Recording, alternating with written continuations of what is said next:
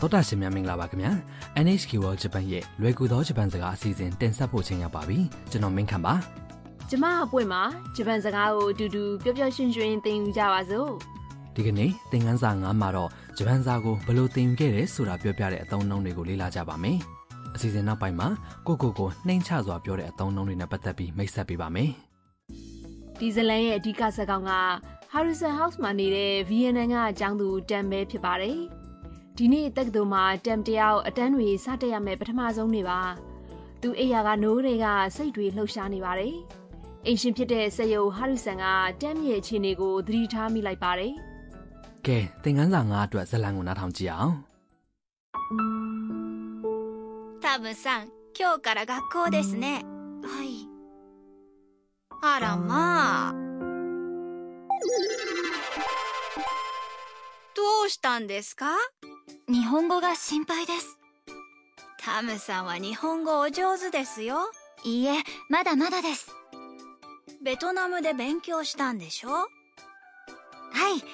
ラジオで勉強しました。それなら大丈夫ですよ。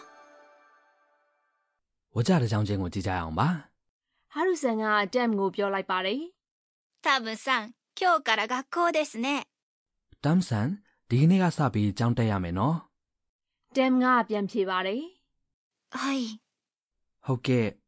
တမ်ပုံမှန်မဟုတ်တာကိုဟာရုဆန်ရဲ့အာယုန်ခံကရိယာကထောက်လန်းသိလိုက်ပြီးပါနှစ်ဖက်ကပြလဲလဲမီလေးလင်းလာပါတယ် あらまあ。 အလို どうしたんですか ဘာဖြစ်လို့လဲ တမ်ကစိုးရိမ်နေတဲ့ပုံနဲ့ပြန်ဖြေပါတယ် 日本語が心配です。 ကိုယ့်ရဲ့ဂျပန်စကားကိုစိတ်ပူနေပါတယ် ဟာရုဆန်က タムさんは日本語お上手ですよ。 တမ်ဆန်ကဂျပန်စကားတော်ပါတယ် တမ်ကကိုကိုကိုနှိမ်ချပြီးအခုလိုပြန်ဖြေပါတယ် いいえ、まだまだです。 ဟင်းအင်းမရသေးပါဘူး ဟာရုဆန်ကမေးပါတယ် ベトナムで勉強したんでしょ ဗီယက်နမ်မှာသင်ယူခဲ့တယ်မဟုတ်လား တမ်ကပြန်ဖြေပါတယ် はい、 ဟုတ်ကဲ့ ラジオで勉強しました。 ရေဒီယိုကနေသင်ယူခဲ့ပါတယ် ဟာရုဆန်ကတမ်ကိုအားပေးလိုက်ပါတယ် それなら大丈夫ですよ。 ဒါဆိုရင်ကိစ္စမရှိပါဘူး တမ်ကဂျပန်စကားကိုချွတ်ချွတ်မွေ့မွေ့မပြောနိုင်မှစိတ်ပူနေတာပေါ့နော် ဟုတ်တယ်အင်ရှင်ဟာရုဆန်ကသူ့အိမ်မှာနေတဲ့သူတွေတစ်ခုခုစိတ်ဒုက္ခရောက်နေပြီဆိုရင်အာယုံခံမိပြီးတော့စကားပြောပါတယ်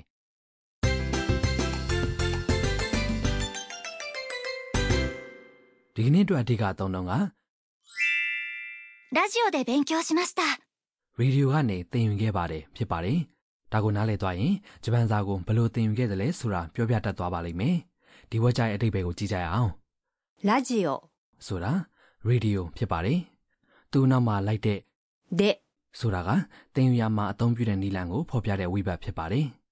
勉強しました。 ။ဆိုတာကကရိယာဖြစ်ပြီးသင်ယူခဲ့ပါတယ်လို့အဓိပ္ပာယ်ရပါတယ် ပြီးခဲ့တဲ့သင်ခန်းစာမှာတော့ဘာလုပ်မယ်ဆိုတာကိုပြောတဲ့အခါ max နဲ့အဆုံးသတ်တဲ့ max ပုံစံကရိယာကိုသုံးရတယ်လို့ပြောခဲ့တယ်နော်ဒီနေ့ဇတ်လန်ထဲမှာကြတော့ကရိယာကို mash တာနဲ့အဆုံးသတ်ထားတယ် ။ဟုတ်ပါတယ်။အဲ့ဒါခြားနားတဲ့အချက်ပါပဲ။ဒီကနေ့အတွက်အဓိကအချက်ပါ mass ပုံစံကရိယာရဲ့အဆုံးသတ်မှာ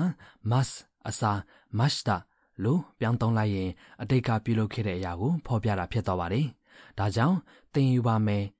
勉強します。 ရဲ့အတိတ်ကာလပုံစံက 勉強しました。 ဖြစ်ပါတယ်။ဒီကနေ့ရဲ့အဓိကအသုံးတော့မှာကျမကဆိုတဲ့ကတ္တာပုံနဲ့ဂျပန်စာကိုဆိုတဲ့ကံပုတ်တွေဟာအကြောင်းအရာတွေမှာတိတာထင်ရှားနေတဲ့အတွက်ဖြုတ်ချထားပါတယ် ကဲသရရှင်တို့ရေအတန်ထွက်ပြီးလိုက်ပြောကြည့်ရအောင်နော် 勉強しました。ラジオで勉強しました。ラジオで勉強しました。 သရရှင်တို့လိုက်ပြောလို့ရကြရဲ့လား ။အခုဆက်ပြီးဂျပန်စကားကိုဘယ်လိုသင်ယူခဲ့ပါတယ်ဆိုတဲ့ဥပမာစကားပြောတွေကိုလည်းနားထောင်ကြည့်ပါ။သောတာရှင်တို့လည်းဂျပန်ကိုလာလေတဲ့အခါဂျပန်စကားနည်းနည်းလောက်ပြောတတ်တယ်ဆိုရင်အဲ့ဒီလိုအမေးခံရနိုင်ပါတယ် あ、日本語、どうやって勉強しましたかインターネットで勉強しました。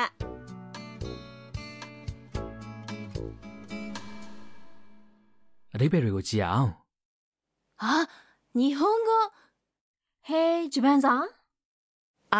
ဆိုတာအာအာတင်နာကိုဖော်ပြတဲ့အာမေရိစကားပဲဖြစ်ပါတယ် 日本語。 ဆိုတာကဂျပန်စာပါ どうやって勉強しましたか ဘယ်လို့သင်ယူခဲ့တာလဲ どうやって ကအမေစကားလုံးပါဘလို့လို့အတိပ္ပယ်ရပါတယ် 勉強しました。 ကတင်ယူခဲ့ပါတယ်ဖြစ်ပါတယ်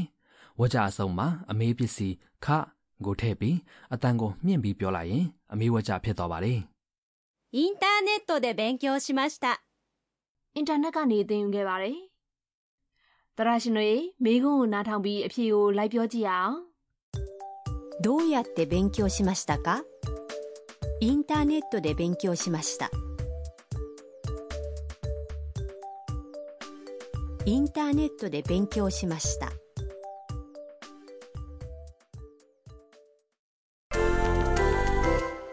တခြားအဖြေတွေလည်းစူးစမ်းပြောကြည့်ပါအောင်အာနီမဲကာတွန်းကိုကြည့်ပြီးတင်ယူခဲ့တယ်ဆိုရင်ဘလို့ပြောရမလဲအာနီမဲကို アニメ、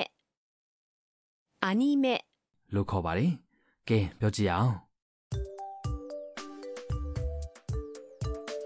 アニメで勉強しましたアニメで勉強しました အဆင်ပြေရဲ့လားတရာရှင်တို့ရေ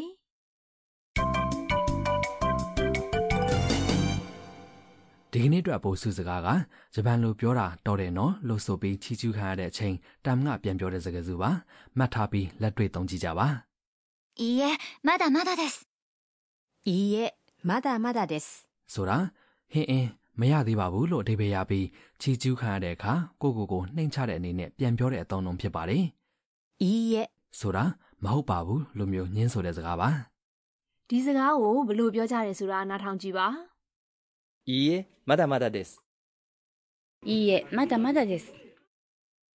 いいえ、まだまだです。 ဒါဆိုတရာရှင်တို့အလှည့်နော်နားထောင်ပြီးလိုက်ပြောကြည့်ပါဦး いいえ、まだまだです。 ပြောလို့ရကြပြီလို့ထင်ပါတယ် ။ကဲဒီကနေ့ဇာတ်လမ်းကိုနောက်တစ်ချိန်နားထောင်ကြအောင်။တမ်ကဂျပန်စာကိုဘယ်လို့သင်ယူခဲ့တယ်ဆိုတာပြောပြတဲ့အပိုင်းကိုတေချာအာယုံစိုက်နားထောင်ကြည့်ပါ タムさん、今日から学校ですね。はい。あらまあ。どうしたんですか日本語が心配です。タムさんは日本語お上手ですよ。いいえ、まだまだです。ベトナムで勉強したんでしょはい。ラジオで勉強しました。それなら大丈夫ですよ。はるさんの知恵袋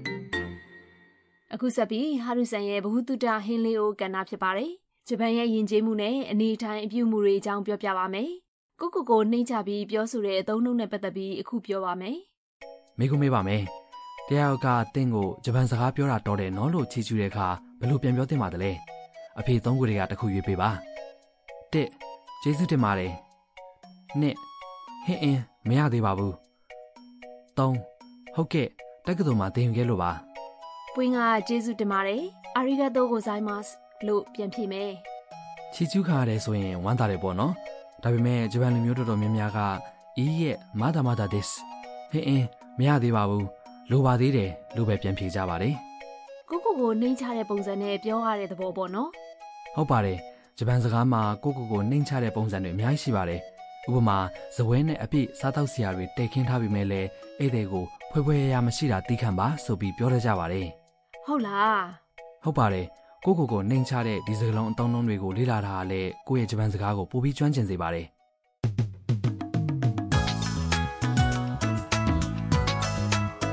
တော်တာရှင်တို့ရေဒီကနေ့လွယ်ကူသောဂျပန်စကားအစီအစဉ်ကိုနှိမ့်သက်ကြမယ်ထင်ပါတယ် တက်မြဲပထမဆုံးကြောင်းတက်တဲ့နေ့အဆင်ပြေမယ်လို့မျှော်လင့်ပါတယ်တရာရှင်တို့ရေနောက်တစ်ပတ်မှာဆုံကြမယ်နော်